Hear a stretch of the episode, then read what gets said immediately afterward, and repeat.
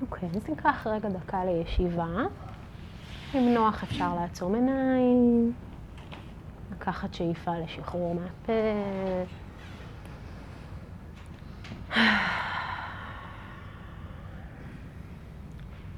להרגיש את המגע בין האגן לקרקע.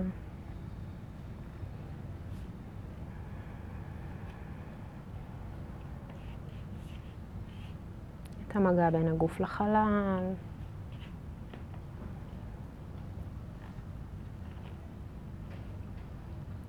לקחת את השהות הזו, לאפשר לכל הרבדים של עצמי להגיע.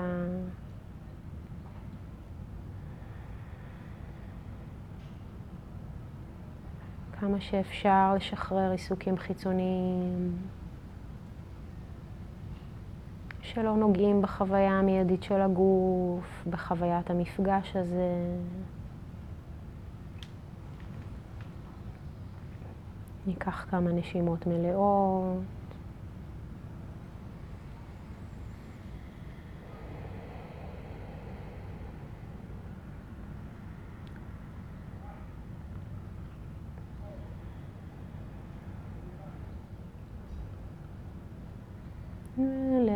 לאט לאט נחזור לחדר, נפקח את העיניים.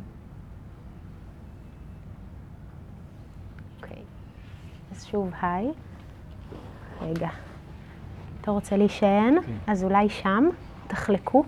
או שטוב, אני אנצל את כל הטווח 180 אה, שלי. אמ, אוקיי, אז שוב שלום. זה בסדר לכם או שהצמדתי אתכם יותר ממה שזה מתאים לכם? בסדר? יתאים. יתאים, אוקיי. אמ, אוקיי, אז יש לנו כמה חדשים וחדשות. אה, בעיקרון זו קבוצה שהיא מתמשכת, כלומר כל אה, מפגש ממשיך את המפגש הקודם. כל המפגשים מוקלטים. אה, בפודקאסט, שגם אה, אפשר למצוא אותו בפייסבוק שלי, בפייסבוק של הסטודיו, אפשר לכתוב לי מייל או הודעה או כל דבר ואני אעביר את הקישור אם לא מוצאים. אה, אז אנחנו נמשיך, ומי שחדש או חדשה, אז אפשר גם אה, להשתלב ולקחת משהו מהחומר, גם אם לא היינו אה, בפרקים הקודמים. אז מה שעשינו במפגשים האחרונים, אה, דיברנו קצת מהבודהה. נכון? לקחנו בעצם אה, במצטבר שש אסטרטגיות. איך להתמודד עם מחשבות לא מיטיבות כשהן עולות בתרגול, ואנחנו בעצם הרחבנו את זה לכשהן עולות בחיים. אז אנחנו לא נחזור על זה, עשינו את זה בפעמיים הקודמות. אפשר בהחלט להקשיב לזה, אני חושבת שיש שם אסטרטגיות אה, מדהימות ומאוד מאוד רלוונטיות מפי הבודהה. אה, ומה שנעשה היום זה בעצם נחזור ליוגה סוטרה. אז אני טיפונת חוזרת על הנקודות שדיברנו עליהן בפעם הקודמת. אז בעצם, אחת הנקודות שדיברנו עליהן בפעם הקודמת הייתה איזושהי הבהרה בנוגע ליוגה סוטרה. ודיברנו על זה שעל אף שהסוטרה השנייה אומרת יוגה, שצ'יטה, וריטי, נירודה, כן, יוגה היא עצירה של תנודות התודעה התגובתיות, עבור רובנו יש משהו שהוא די אה, חסר תוחלת בלהיכנס לאיזושהי חזית מול תנודות התודעה. הפסקת תנודות התודעה זה מצב של הערה, ואכן לשם היוגה מכוונת, אבל בגלל שרובנו רחוקים מאוד מאוד מההפסקה של תנודות התודעה, יהיה נכון עבורנו להבין את הטקסט הזה לא כהפסקת תנודות התודעה, את הטקסט ואת התרגול כמובן, אלא את תרגול היוגה ככזה שמכוון לעבוד על ההזדהות שלנו עם תנודות התודעה. תנודות תודעה מסוג כזה או אחר כנראה שימשיכו להיות לנו עוד הרבה הרבה שנים, עבור רובנו עוד הרבה הרבה לידות, אבל העבודה על באיזה אופן אנחנו מזדהים עם תנודות התודעה, באיזו מידה אנחנו מזדהים עם תנודות התודעה, אה, ומה מידת המודעות שלנו להזדהות, זה איזשהו טווח שיש לנו בו מרחב תמרון מאוד גדול. אז אנחנו נעסוק בטקסט הזה מתוך נקודת מבט כזאת. מתוך נקודת מבט שלוקחת את העבודה הרבה יותר על ההזדהות ופחות על האם יש לי או אין לי תנודות הודעה. אנחנו די ניקח את העובדה שיש לנו תנודות הודעה כנתון. שאנחנו לא ממש משחקים איתו, אנחנו כן משחקים עם איזה תנודות תודעה יש לנו. כן, דיברנו בפעמים הקודמות תנודות תודעה מיטיבות, תנודות תודעה לא מיטיבות, איך להתמודד עם כאלה לא מיטיבות, ומה מידת ההזדהות שלי, גם עם תנודות תודעה שאני מחשיבה אותן כמיטיבות, וגם עם תנודות תודעה שאני מחשיבה אותן כלא מיטיבות. אז אנחנו מדברים על ההזדהות, או כמו שהסוטרה הרביעית קוראת לזה, סארופיאם. נכון, אני מזכירה את הסוטרה הרביעית, כי אנחנו תכף נתקדם לחמישית. הסוטרה הרביעית אומרת, אם אין לנו עצירה של תנודות התודעה, יש לנו הזדהות. וריטי סארופיאם. אני מזדהה עם תנודות התודעה. עכשיו שוב נשאלת השאלה, למה זה כל כך נורא להזדהות עם תנודות התודעה? כלומר, למה מסורת היוגה חרתה על דגלה את עצירת תנודות התודעה, או את השיכוך של ההזדהות עם תנודות התודעה? ואני רוצה לתת איזושהי נקודת מבט כללית על השאלה הזו, למה כדאי לנו להפחית את ההזדהות עם תנודות התודעה, ואחר כך אנחנו נתקדם לסוטרה החמישית. אני לא בטוחה פתאום אם דיברתי על זה בפעם הקודמת או לא. מישהו יודע להגיד לי? על... אה, לא? לא, דיברנו על הרביעית, אבל בפעם הקודמת דיברנו על אה, הזדהות מובילה להאחזות. כן. אוקיי. הזדהות מובילה להאחזות והאחזות מובילה לסבל. נכון? דיברנו על זה. אוקיי, אז גם זה מופיע בפרק הקודם המוקלט. אני רק אחזור על זה בצורה מאוד מאוד אה, ככה סכמטית. קודם כל חשוב שנבין למה כדאי לנו להפחית את ההזדהות עם תנודות התודעה, כי אם לא נבין למה אנחנו עושים את זה, אנחנו פשוט נפסיק לתרגל. אוקיי, התרגול הוא קשה, המאמץ להפסיק את ההזדהות עם תנודות התודעה, המאמץ לעשות איזושהי עבודה שמפרידה בין עצמי, מה שאני חושבת כאני או עצמי, לבין תנודות התודעה, היא מאוד מאוד קשה. כן, כל אחד או אחת מאיתנו שאי פעם ניסו לשבת למדיטציה, יודעים את זה מהחוויה. אז על מנת שתהיה לנו את המוטיבציה להמשיך ולהתמיד בתרגול על אף שהוא קשה, חשוב שנבין למה זה כדאי לנו, אוקיי? או מה הבעיה עם ההזדהות עם תנודות התודעה. אז נקודת המבט הכללית של המסורת על הדבר הזה זה כמו שאמרתי, הזדהות היא משהו מובילה להאחזות פה. ברגע שאני מובילה, מזדהה עם משהו, אני מקטלגת אותו כאני ושלי, ואני מייחסת לו את אותם מאפיינים שאני מייחסת לעצמי. קביעות, יציבות והמשכיות. כי אם אני רוצה לבנות איזשהו עצמי שהוא קבוע, יציב והמשכי, אני חייבת להניח שסך החלקים שמרכיבים את האני הזה, חולקים את אותם מאפיינים, אוקיי? שהם קונקרטיים, מובחנים במציאות. עכשיו, המשוואה הנוספת שעומדת בנוסף לדבר הזה, זה שההאחזות במשהו כקבוע, יציב ובלתי משתנה, בשילוב עם חוק הטבע של ההשתנות המתמדת, מובילה לסבל. אוקיי, אנחנו כל הזמן, דרך התודעה שלנו, הופכים דברים לקבועים, יציבים ובלתי משתנים, בעוד שבמציאות שום דבר הוא לא כזה. כן, הכל לא יציב, הכל לא קבוע והכל משתנה. חלק מהדברים משתנים מהר, חלק מהדברים משתנים לאט. אוקיי, אז זאת הסיבה הארכיטיפית הראשית המרכזית שבגללה כדאי לנו לרווח את ההזדהות עם תנודות התודעה. אמ, בצורה הזו אנחנו עובדים באופן מאוד מאוד לא ישיר, כן? כי אין לנו ממש דרך לעבוד בצורה ישירה על ההאחזות. אנחנו עובדים על ההאחזות בצורה מאוד לא ישירה ומאוד אפקטיבית, אוקיי? משהו בהאחזות מתרווח ברגע שמשהו בהזדהות מתרווח. אז אני מסכמת את הנקודה הזו ואומרת שהחזית מול ההזדהות היא זו שהיא רלוונטית וחשובה לנו, אה, ואנחנו עובדים בספקטרום הזה. עם מה אנחנו מזדהים ואיך, ומה אנחנו נאחזים ואיך. יש על זה שאלות לפני שאנחנו ממשיכים לסוטרה החמישית? זה, זה שוק, זה הסכמה, זה... אוקיי. עכשיו, בעצם ב... היינו בסוטרה הרביעית שדיברה על זה שיש לנו הזדהות כמעט אוטומטית, או לא כמעט, הזדהות אוטומטית עם תנודות התודעה ברגע שיש לנו אותן. ואז בעצם הלכנו לבודה, כי אמרתי לכם שהטקסט לא הולך ואומר לנו איך להפסיק את ההזדהות, שזאת בעיניי השאלה המתבקשת, אלא הטקסט הולך לאיזושהי סקירה של מה הן תנודות התודעה. אילו סוגים של תנודות תודעה יש לנו. אז הסוטרה החמישית אומרת, וריטיה, הבריטי, כן, תנודות התודעה האלה שאנחנו כל הזמן מתעסקים איתה מאז שהתחלנו לקרוא את הטקסט, פנצ'תיה, חמש. יש לנו חמישה סוגים של תנודות תודעה, קלישתא, קלישתא, קלישתא ואקלישתא, אוקיי? הבריטי, תנודות התודעה התגובתיות שדיברנו עליהן, מתחלקות לחמישה סוגים, והן או מה שנקרא בסנסקריט קלישתא או א-קלישתא, מכאיבות או לא מכאיבות. אוקיי, אז בעצם יש לנו עשרה סוגים של תנודות תודעה. זה ברור, יש לנו חמישה סוגים כלליים של תנודות תודעה, שאנחנו תכף נגיע אליהם, וכל אחד מהחמישה האלה יכול להיות מכאיב או לא מכאיב. אוקיי, עד כאן זה ברור. יופי. עכשיו, שאלה מיידית וחשובה שעולה כאן זה איך אנחנו מגדירים מכאיב ולא מכאיב. כי בעצם, במאמר מוסגר, הרבה פעמים כשאנשים קוראים את הטקסט הזה ולא קוראים את הסנסקריט, או לא קוראים את הפרשנות העתיקה שצמודה לטקסט המקורי, אז הם עלולים לייחס את הקטגוריות שלהם למה זה מכאיב ולא מכאיב. אוקיי? ואנחנו תכף נראה שבעצם האופן שבו הטקסט והמסורת מגדירים מה זה מכאיב ולא מכאיב הם מאוד מאוד אה, שונים, מהותית מאיך שאנחנו מגדירים. אז בעצם במקום הזה יש לנו את הפרשנות, אה, ובראשן של הפרשנויות את הפרשנות של ויאסה.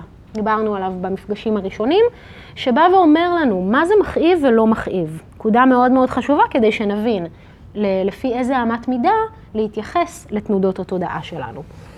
אז בעצם הפרשנים אומרים משהו מאוד מאוד פשוט, שהוא לא כל כך אינטואיטיבי מנקודת המבט היומיומית שלנו. הם אומרים כך, כל תנודות התודעה המובילות לעונג או לכאב נחשבות לקלישתא, נחשבות למכאיבות.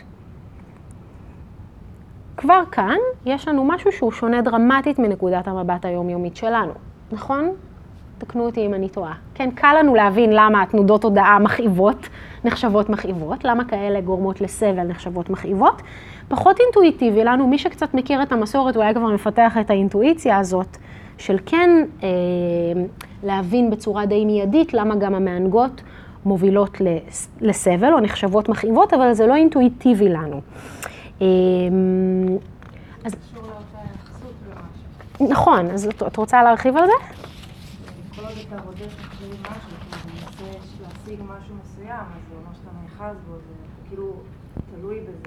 אם לא יהיה לך את זה, אז אתה סובל, אז זה באמת זה בסדר. נכון, אז זאת באמת נקודת המבט של המסורת אה, לצורך העניין, ואני אסביר את זה בעוד כמה מילים. אז בעצם הפרשנות מסבירה שגם תנודות התודעה שמובילות לסבל וגם תנודות התודעה שמובילות לעונג, הן מכאיבות באותה מידה, נחשבות לקלישתא, שכן שתיהן מבוססות על מה שנקרא אבידיה, אי ידיעה, בורות.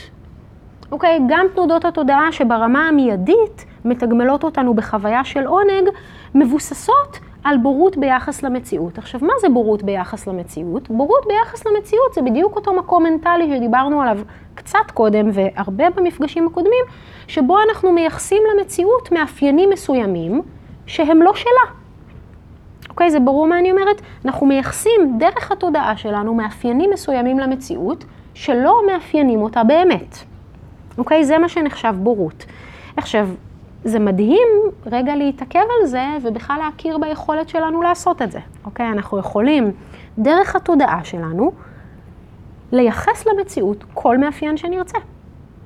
אוקיי? אנחנו בשום צורה לא מחויבים לאיזושהי מציאות אובייקטיבית, whatever that means, אוקיי? כי גם כאן המסורת של היוגה באה ואומרת שאין ממש איזושהי מציאות חומרית אובייקטיבית שהיא מנותקת מנוכחות של סובייקט, אבל גם אם יש איזשהו משהו שאנחנו יכולים להסכים עליו, אז אנחנו דרך התודעה שלנו יכולים לייחס, לייחס כל מאפיין שבא לנו לאיזשהו משהו שברמת התופעה לא השתנה.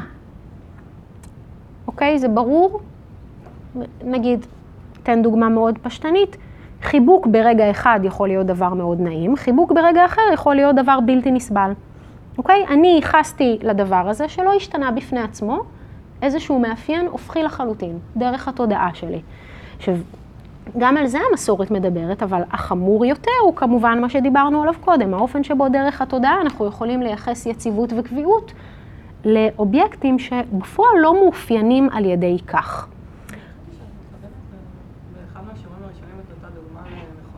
למכונית, אנשים שכאילו, שניסו להגיד שכאילו לדברים שאנחנו מייחסים להם איזושהי מהות, מכונית, כיסא, שולחן, כל מיני דברים ובסופו של דבר הם נגיד עשויים ממתכת, וכאילו בן אדם שבצורך העניין רוצה משהו מסוים, הוא כאילו מתעלם מהמהות האמיתית שלו. הוא מסתכל על הייצוג של זה. כן. זה גם? זה גם, בטח. זה, כי את בעצם מצביעה על נקודה שהרבה מהדבר הזה שאנחנו עושים, הוא מתבצע באמצעות השפה. כן, כאילו נכון. כן, לגמרי. זאת אומרת, תכף אנחנו נדבר על זה, אבל עצם העובדה שאני לוקחת אסופה של כל מיני מאפיינים תופעתיים, התגלמותיים, חומריים, וקוראת להם בשם, אז אני הופכת אותו באיזושהי רמה לקבוע ויציב, בעוד שהוא איזושהי אסופה של דברים שיכולים לזוז ולהשתנות. אוקיי, לצורך העניין, אם אני מסתכלת על הדבר הזה שם ורואה שרפרף, אוקיי, כי אני יודעת מה זה, כי לימדו אותי, כי אני השתמשתי בזה פעם, אוקיי, אז אני מסתכלת על זה ואני אומרת, זה שרפרף, אז יכול לבוא איזשהו חייזר ובכלל לראות את זה כאיזשהו משהו עם צורה כזאת, הוא יכול לחשוב שזה מחובר לגליל הירוק מאחורה, הוא יכול לחשוב שזה מחובר לספוג הסגול מלמטה. נכון, אנחנו רואים את הכל כמופרד, כי אנחנו מודעים לערך הפונקציונלי של כל אחד מהחפצים האלה. אבל אנחנו עושים את זה דרך ההמשגה והשפה. אוקיי? זה לא אובייקטיבי בעולם שחמשת או ששת או עשרים החפצים האלה שאני רואה, הם מופרדים אחד מהשני. אוקיי? אז זה, זה יותר הטעם הזה של מה שאת אומרת, אבל זה, זה אותו דבר. אוקיי, אז הנקודה החשובה לצורך הדיון שלנו, שגם תנודות הודעה שמסבות עונג, הן מבוססות על אי ידיעה או על ידיעה שגויה. אוקיי? אבידיה זה לא רק אי ידיעה במובן של איזשהו ידע שחסר לי, משהו שאני לא מכירה ואני צריכה ללמוד, אלא המסורת הרבה פעמים אומרת על זה כידיעה שמכסה. אני חושבת שמשהו קבוע, יציב ובלתי משתנה, והדבר הזה הוא לא רק טעות, אלא הוא מונע ממני מלהיווכח במציאות כפי שהיא. עכשיו, אני אשים את זה רגע באיזושהי סכמה קונספטואלית שהיא יותר פשוטה. אז חוויה של עונג, אוקיי? חוויתי איזושהי חוויה של עונג, אז מה הדבר הזה יוצר אצלי בתודעה? אז הדבר הראשון שהוא יוצר זה איזושהי התייחסות לאובייקט שהפיק את העונג כבעל ערך אבסולוטי. אוקיי, זה ברור מה הכוונה? מה שהוא גרם לי עונג, אני מתייחסת לדבר הזה כמפיק עונג. ואני מתייחסת אליו כמפיג עונג, כמפיג עונג? לא, ההפך, גורם עונג. מפיק, בדיוק. מפיק עונג.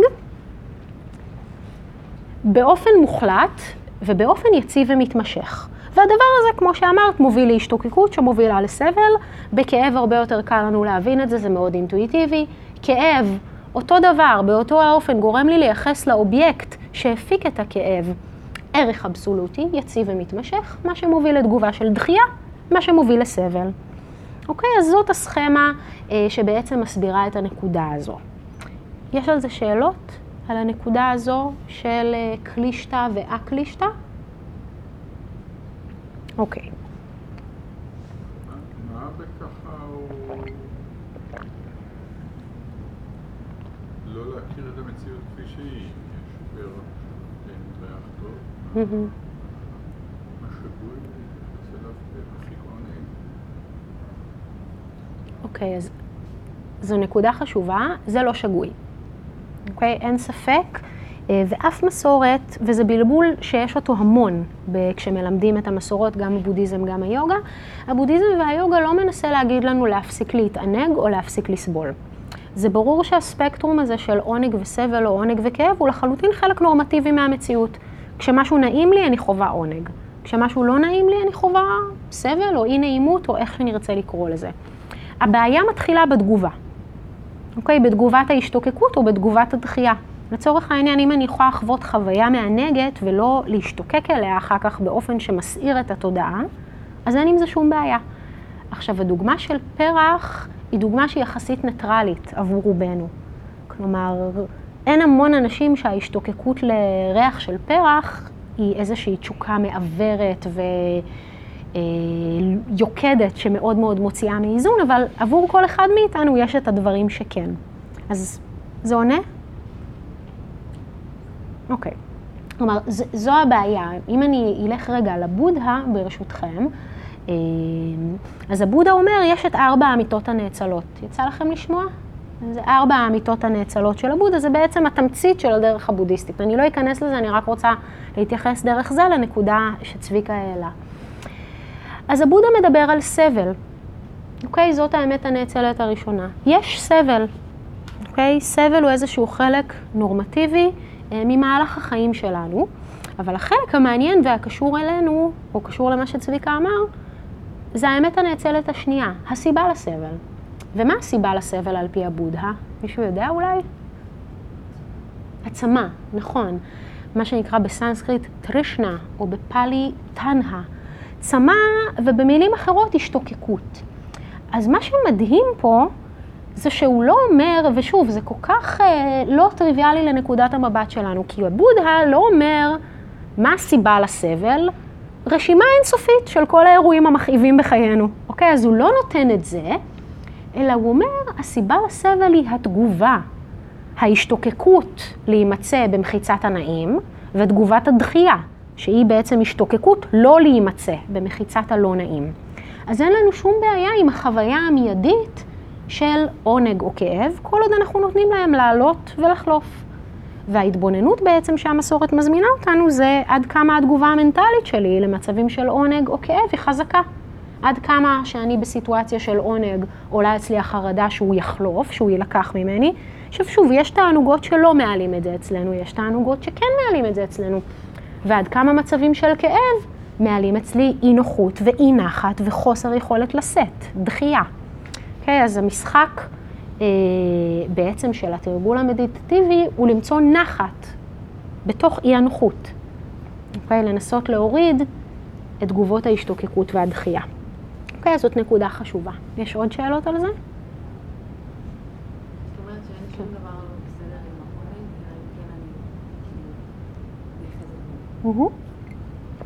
בדיוק. נכון. הכל הוא בסדר, כלומר הכל הוא חלק, הכל הוא חלק מהטווח של ההתנהגות הנורמטיבית שרכשנו לעצמנו ב-20, 30, 40 שנות קיום. אבל מבחינת איך שהמסורת, כן, בדיוק, מבחינת מה שיוצר סבל. חוויית הכאב עצמה היא לא זו שיוצרת את מה שהמסורת קוראת לו דוקה, כן, תגובת הדחייה. יפה, כן, כן. אה, נגיד שאני מריח אה, פרח ואני נהנה, אה, ואני לא משתוקק את זה אחרי זה, לשיטתך זה בסדר גמור. בטח. אבל אני יכול לטעון, או אני שואל, אם בכל זאת הרגע של ההנאה הוא תנודת תודעה, לכן יש פה איזו סתירה, נגיד, היוגה אומרת, בלי תנודות תודעה. אוקיי, אז זה בדיוק מה שדיברתי עליו בתחילת השיחה, וגם דיברנו על זה בפעמים הקודמות. את מקלה קצת עליהם.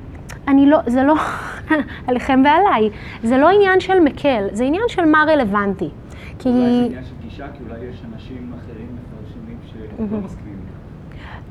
אני, שוב, אני לא מפרשת פה את היוגה סוטרה כאומרת להמשיך עם תנודות התודעה לנצח. אין ספק שהטקסט אומר, היוגה היא עצירה של תנודות התודעה התגובתיות, המעגליות, שפונות החוצה.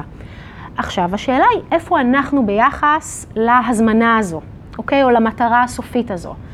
עכשיו, כל עוד אנחנו לא מוארים, יש לנו תנודות תודעה. עד כאן אין פה שום פרשנות שלי. אין, כל עוד אנחנו לא מוארים, יש לנו תנודות תודעה בהגדרה.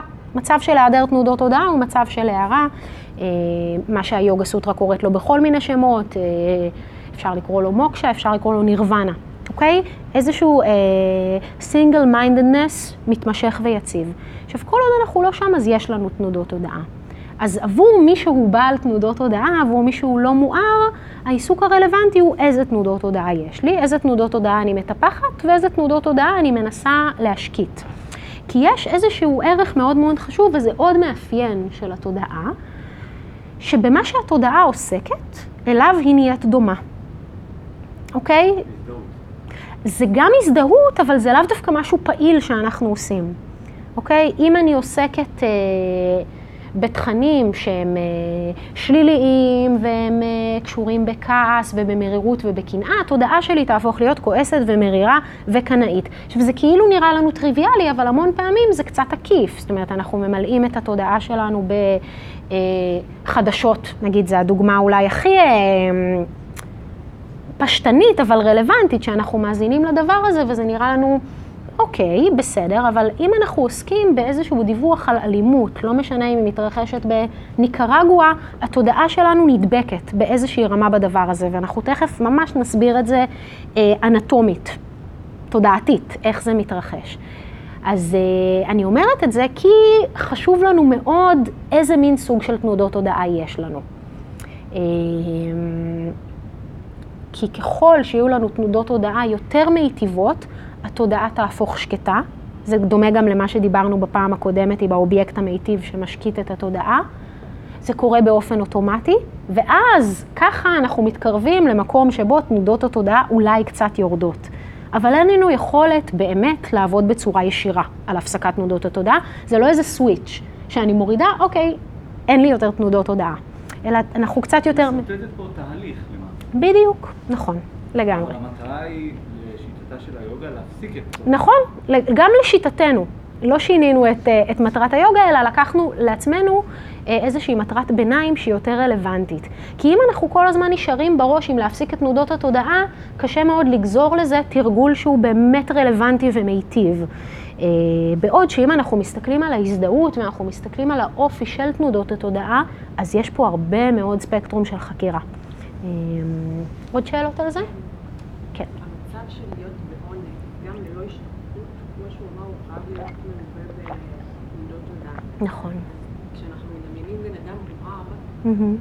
חוץ מזה שאת אומרת עליו שיש שיש לו חוסר בתנודות תודעה, איך הוא יכול להיות מאושר או בע- או בעונג? כל עונג חייב שהמוח יקרה לו איזשהו משהו, חייב שתהיה איזושהי נמצא?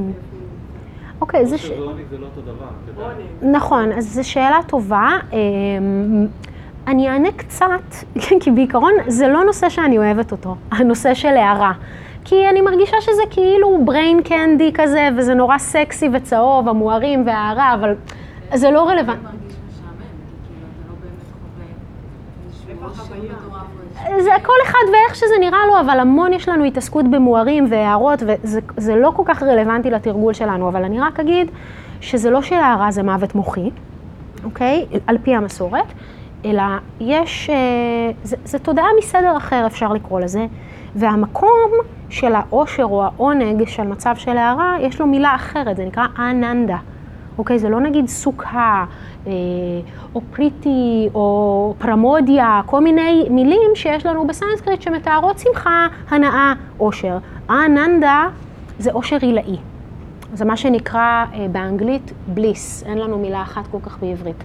וזה המצב של העושר שמאפיין הערה, ובתמצות, מה מבדיל אותו ממצבי העושר והשמחה שלנו, זה שהוא לא תלוי בדבר. חוויית העונג שלי תלויה במשהו, או בהיעדר של משהו, אוקיי? היא או תלויה בנוכחות של משהו מענג, או תלויה בהיעדר של משהו מכאיב. המסורת אומרת שחוויית העושר הנצחי של אדם מואר היא לא תלויה בדבר. אוקיי, אז זה, אם את רוצה אחרי זה אפשר להמשיך על זה, אבל זה ה... שזה מעל העונג.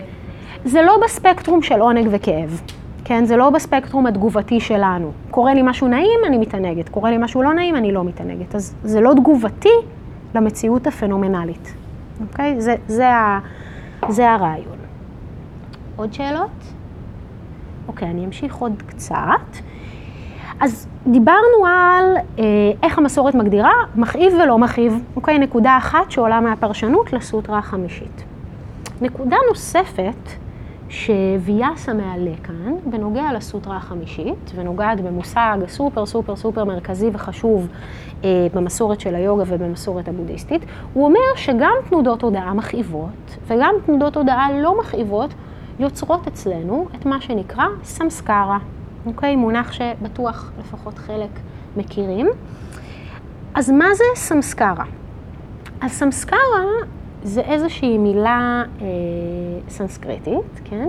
שמשמשת להצביע על רישום מנטלי של פעולה שבוצעה בעבר. אוקיי? זה ברור? סמסקרה היא רישום מנטלי של פעולה, הפעולה יכולה להיות פיזית או מנטלית, שבוצעה בעבר. עכשיו, הרישום המנטלי הזה, כלומר, ביצעתי איזושהי פעולה, ובמקביל לפעולה הזו נוצר איזשהו רישום מנטלי של הפעולה. עכשיו, זה יכול להיות פעולה מחשבתית או פעולה פיזית. והרישום הזה, מעצם היותו, מהווה פוטנציאל של פעולה עתידית דומה. אוקיי? ביצעתי איזושהי פעולה, נוצר לי רישום מנטלי שהוא לא זיכרון, אוקיי? זה לא זיכרון של הפעולה, הסמסקרה היא רישום מנטלי לא מודע, שמתכלל איזשהו ערך כללי של הפעולה, כן? זה לא סלקטיבי כמו מה שאנחנו עושים לעצמנו בזיכרון. והרישום המנטלי הזה מהווה פוטנציאל של התנהגות, שגם יכולה להיות פיזית או מנטלית, דומה. עד כאן יש שאלות? דומה לפעולה שבוצעה. אז אוקיי, כן, בדיוק. זה איזושהי דרך אה, בשפת מסורת היוגה לתאר את מה שאנחנו קוראים לו דפוס או שחזור. אוקיי? כי בעצם אנחנו רואים שיש לנו כאן גלגל אינסופי, נכון, של תנודות תודעה שמולידות את דומותיהן. כי בעצם ביצעתי פעולה, היה לי רישום מנטלי של הפעולה, וזה גרם לי לבצע פעולה מסוימת בהינתן הטריגר. אוקיי, נגיד, פגשתי מישהו מסוים, נוצר אצלי רישום מנטלי מסוים, פגשתי מישהו שדומה לו, זה העלה את אותו רישום מנטלי וגרם לי לבצע את אותה פעולה בתגובה אליו, אבל גם כאן נוצר לי עוד רישום מנטלי, שמחזק את הדפוס של דומה, דומה, דומה ודומה.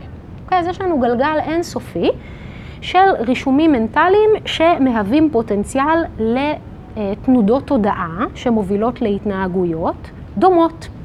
אוקיי, אז כמו שבעצם הילה אמרה, אפשר לקרוא לזה דפוס, אפשר לקרוא לזה שחזור, אמ, ואפשר לקרוא לזה במונחים קצת יותר ניו אייג'ים כמחשבה שיוצרת מציאות. כי בעצם קל לנו, אני חושבת, בשלב הזה להבין איך כל חוויית המפגש שלנו עם העולם בעצם מוכתבת על ידי אותם רישומים פנימיים ומחזקת אותם. אוקיי? שזאת הנקודה החשובה. ככל שהרישומים האלה נוצרים יותר מוקדם, הם יותר חזקים. אוקיי? כי הנטייה הטבעית שלהם היא לשחזר את עצמם, לשכפל את עצמם ולהתחזק. אוקיי? ומי שקצת מכיר את המסורת כבר יכול להבין שהמונח הזה או הרעיון הזה של סמסקרה קשור בצורה הרמטית לרעיון של קרמה. אוקיי? ואנחנו ניגע בזה אה, קצת בפעם הבאה. שאלות על זה? שאלות על סמסקרה, על המשמעות, על הקשר בין זה לבין התנודות הודעה מכאיבות, לא מכאיבות? אוקיי, אז הנקודה בעצם שממנה הגענו למה זה סמסקרות שחשוב לנו לדעת, שתנודות הודעה אה, מכאיבות ולא מכאיבות, שתיהן יוצרות סמסקרות, ועכשיו אני מבינה שלא אמרנו מה זה לא מכאיבות, נכון? אמרנו רק מה זה הקלישתא. אז מתוך הקלישתא אנחנו יכולים להסיק על האקלישתא, כי אם אמרנו כל תנודות התודעה שמובילות לעונג או לכאב, כלומר שהן מבוססות על אבידיה, על אי ידיעה, נחשבות לקלישתא, אז האקלישתא זה תנודת התודעה האחת והיחידה שמכוונת להערה, כן, שמבוססת על וידיה ולא על אבידיה, שמבוססת על ידיעה, שמבוססת על ראיית המציאות כפי שהיא. אוקיי, אז על פי היוגה סוטרה, כל התנודות תודעה שלנו, פה, קולקטיבית, הן קלישתא, אוקיי? לצורך העניין. רק שאנחנו בעצם נמצאים באיזשהו מקום של התבוננות על המציאות, שהיא לא דרך הפילטר הזה של עונג וכאב, יכול להיות שגם לחלקנו יש הבזקים של הדבר הזה, בתוך תרגול, בתוך כל מיני מצבים אחרים, אז זה נחשב לאקלישתא. אוקיי, אז זאת, זאת נקודה חשובה. אבל גם הקלישתא וגם האקלישתא יוצרים רישומים מנטליים לא מודעים שמבשילים בעתיד לפעולה. אוקיי? שאלות? חמה? זה כל כזה. הבנתי, אוקיי. אז בפעם הבאה נתקדם. אה, תודה על ההקשבה. אה, שבת שלום, ונתראה שבוע הבא.